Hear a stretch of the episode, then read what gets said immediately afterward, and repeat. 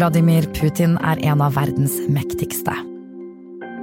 Hvem er den russiske presidenten? Hvordan kom han dit, og hvor mye bestemmer han egentlig? Mitt navn er Anna Offstad, og du hører på Hva skjedde?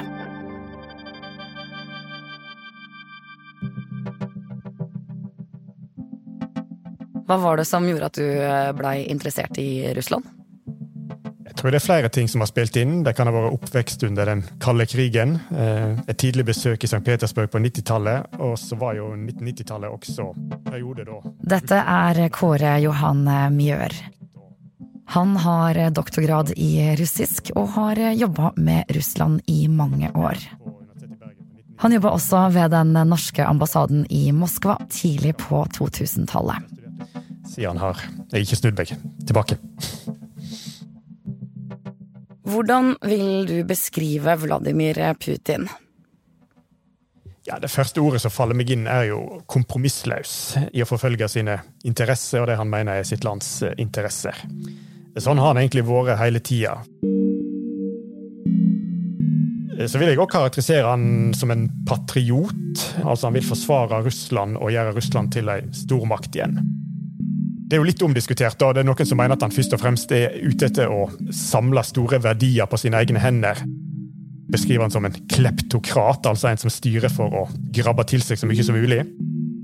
Det er jo avslørt at de sitter på veldig store verdier, disse her, da. Min posisjon der er vel at det er litt kjedelig at jeg, tror begge har rett. og Jeg tror ikke det ene utelukker det andre. Han har jo samla seg mye verdier, men jeg tror òg at han eh, identifiserer seg veldig med landet sitt på et personlig plan. Hvor starter hans reise mot å bli en av verdens mektigste menn? Ja, Jeg kan jo begynne på ulike plasser, men jeg kan jo begynne med begynnelsen. Altså i Leningrad, der han vokste opp, og kanskje særlig i bakgårdene der. Han har jo av et innslag av et sånt litt sånn røft gatespråk i talene sine. Du har sett det særlig i det siste, men har altså enkelte innslag tidligere òg. Eh, litt sånn kriminell slang. Putin studerte juss. Så begynte han i en alder av 23 år i 1975 å jobbe for KGB. Praksisen der hans er jo eh, kjennetegna av sterk lojalitet.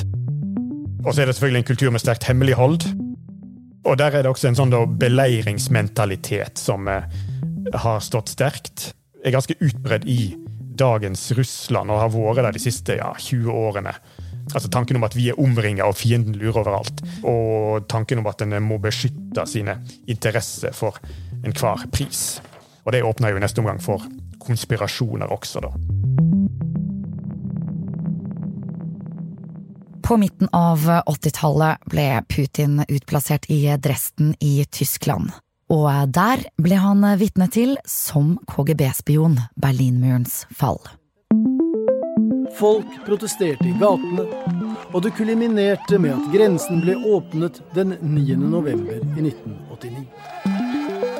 Det som skjer i Tyskland, og eh, der som Putin var, er jo at protestene begynner sant, med i 1989. Store demonstrasjoner på gatene, og også demonstranter stormer huset der Putin arbeider for KGB og Stasi. Eh, og det som da skjer, det er at eh, det, det er ikke hjelp å få. Moskva var taus. De griper ikke inn og forsvarer han og systemet og det som han representerer. Og det har preget han. Dette skulle ikke skje igjen. Putin flytta tilbake til St. Petersburg. Der jobba han en periode som byråkrat, så på midten av 90-tallet dro han til Moskva for å jobbe for den russiske presidenten Boris Jeltsin. Han er innom veldig mange jobber på denne tid. Han klatrer veldig raskt oppover.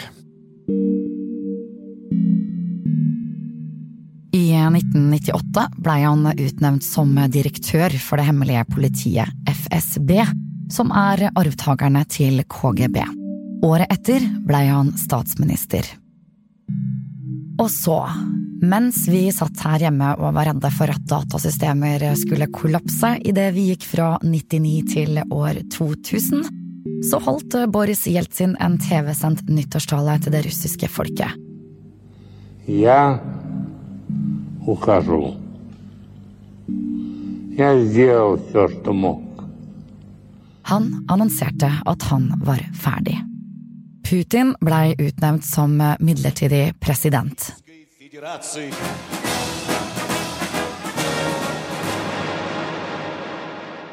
Og det første han gjorde, var å gi Jeltsin og familien hans livsvarig amnesti. Hva har vært hans prosjekt og visjon for Russland eh, siden det? Den første store saken i Russland var jo da Tsjetsjenia. Tsjetsjenia hadde da en periode vært i praksis nokså selvstendig, selv om det egentlig hører til Russland. Putin ville ha Tsjetsjenia inn igjen i den russiske føderasjonen, og da begynner da den andre Tsjetsjenia-krigen. Russland får føderal kontroll, som man sier, over Tsjetsjenia. Det har jo vært Putins prosjekt, altså gjøre Russland stort og sterkt igjen, eh, men også da internasjonalt. Og særlig da få et hegemoni i nabolandene. Et ord som en ofte hørte i samband med den tidlige Putin, det var jo dette ordet maktvertikalen. Ser du for deg ei loddrett linje? Poenget var at eh, ordrer ovenfra skulle bli gjennomført og adlyda. Og staten fikk mer kontroll over media igjen, og eh, du ser her begynnelsen på eliminering av alternative maktbaser. Da Putin blei president, gjorde han f.eks. den sovjetiske nasjonalsangen til en offisiell nasjonalsang igjen, med ny tekst. Men hvor mye makt har han egentlig? Kan du hjelpe oss med å forstå de maktforholdene i Kreml? Ja, jeg skal prøve. Eh, Russland har jo i utgangspunktet et veldig sterkt presidentstyre. Presidenten har mye makt, kan utpeke statsminister, regjering, har makt over en del sentrale ministerium, forsvar og utenrikspolitikk f.eks. Har makt over FSB og Tryggingsrådet. Så allerede i lovverket så har jo eh, Russland en sterk presidentmakt. En motmakt kan jo her da være parlamentet, som det er valg til. Dumaen, som det heter. Altså det er underhuset i Russland. De kan jo f.eks. avsette presidenten, eller stille han for riksrett. På 1990-tallet under Jeltsin så var parlamentet ofte i opposisjon til presidenten. Det har forsvunnet under Putin så har parlamentet vært veldig lojalt. Det har blitt dominert av ett parti, Enskapelig Russland. Og Funksjonen til det partiet er rett og slett å være Putins parti i parlamentet. Det har ikke noe tydelig program, eh, som det blir valgt på, men det blir valgt på å være Putins parti. 2016 opprettet en nasjonalgarde òg, som skulle styrke også overvåkingen, i tillegg til FSB. Hindre revolusjoner nedenfra. Domstolene er også svake. Er det mulig å peke på noen vendepunkt som var avgjørende for eh, makten han sitter på i dag? Ja, Hvis jeg skal trekke fram et årstall, så vil jeg trekke fram året 2004. Altså da han satt i fire år, ca. Før det så hadde Putin vært veldig vestvendt. Etter 11. september var han kjapt ute med støtte til USA. Da så han at USA og Russland har noe felles i kampen mot terror. Men i 2004 så eh, begynner forholdet til Vesten å skrante litt to ting som skjer i det året som er viktig, det er jo oransjerevolusjonen i Ukraina. Da Ukraina velger en president som vender seg vekk fra Russland og vestover. Det er òg denne berømte gisselaksjonen i Beslan, som tsjetsjenske terrorister tok på seg ansvaret for, og som kosta flere hundre menneskeliv. Den så òg Putin som krefter som kom utenfra og prøvde å splitte opp Russland. Så da blir han mer mistenksom overfor Vesten særlig, blir mer konspiratorisk. I 2008 gikk Putin tilbake til å være statsminister fordi han ikke hadde lov til å stille til valg tre ganger på rad. Så kom han tilbake, og nå er han inne i sin fjerde presidentperiode. I 2012 ble den russiske presidentperioden utvida til seks år. Og i 2020 kom det flere endringer så ble det gjort grunnlovsendringer i Russland. Og da har en tenkt at ok, i og med at grunnloven er blitt forandra, så kan en nullstille Putins presidentperioder. I praksis så kan han da igjen stille til valg i 2024. Og siden du kan sitte to perioder, så kan han òg stille til valg i 2030. Så han kan sitte i 2036 nå, hvis han blir valgt hver gang. Det er et stort nettverk med mennesker som sitter og styrer i Russland, men hvor mye har de egentlig å si når det kommer til Putin? Finnes det noen som kan si han imot? Eh, det er et godt spørsmål, og det er et viktig spørsmål i dag. Um, altså du kan si Det som jeg nettopp har snakket om, eh, om presidentembetet i Russland, at det er sterkt, det er jo på en måte det er noe lova eh, sier. Men det, du nevnte ordet nettverk, og det er jo veldig viktig for å forstå hvordan eh, Russland og russisk politikk egentlig fungerer. Og det er da mer uoffisielt. ikke sant? Det er ikke noe som står i lovverket at sånn skal det være. Så det er en del nettverk som, av lojale personer rundt Putin som har stor makt, og som kan påvirke han. Men det mange mener nå, da, det er at disse her med bakgrunn i FSB har liksom blitt den dominerende sirkelen rundt han. At det er de han særlig lytter til. Spørsmålet er jo i dag om de kan si han imot, da, eller om du har fått et system der det er så viktig å si til lederen det han vil høre. Нет, я... Или, при, или, или признавать э, суверенитет их. А я... Я... Det du hører i bakgrunnen her, er lyden fra en video som overraska mange. Putin er i møte med det russiske sikkerhetsrådet og ydmyker sin egen etterretningssjef. Han begynner nærmest å stamme når Putin ber han om å svare på spørsmål. Er det en annerledes Putin vi ser i dag, i møte med sine nærmeste, enn det vi har gjort tidligere?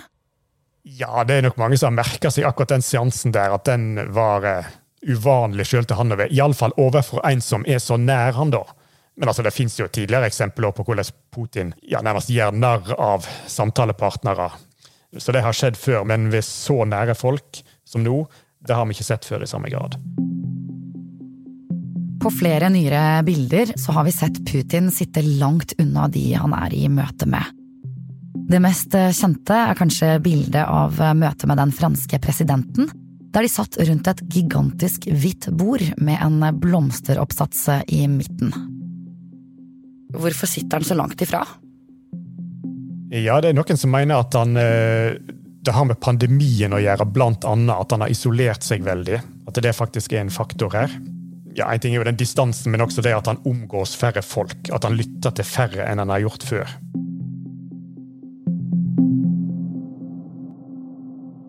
Sammenlagt har Putin vært Russlands president i snart to tiår.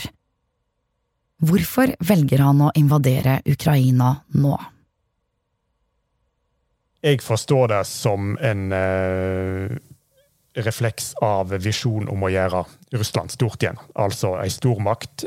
Det er en reaksjon på at Ukraina har vendt seg bort fra Russland, vendt seg vestover. Kreml ønsker et Ukraina som oppfører seg omtrent sånn som Hviterussland, lojalt, underdanig. Men Ukraina har villet noe annet og vendt seg en annen vei.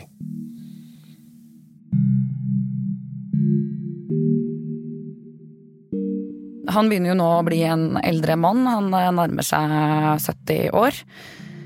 Går det an å si noe om hvem som kan bli hans arvtaker? Eh, nei.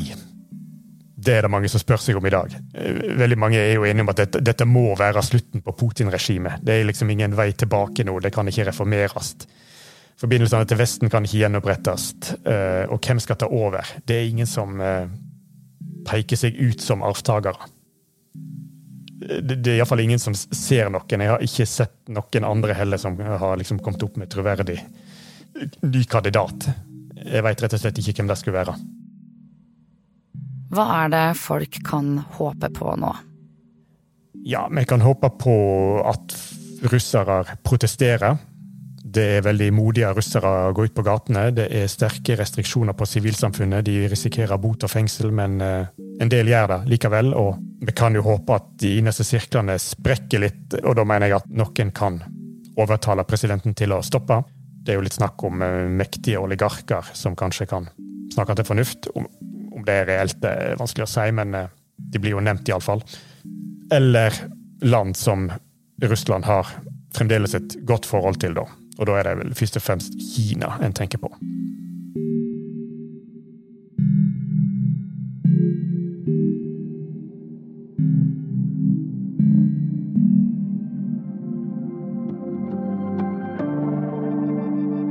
Du har hørt en eh, podkast fra Bergens Tidende. Tips gjerne en venn om hva skjedde hvis du likte det du hørte. Denne episoden er laget av Anna Magnus, Henrik Svanevik og mitt navn er Anna Offstad.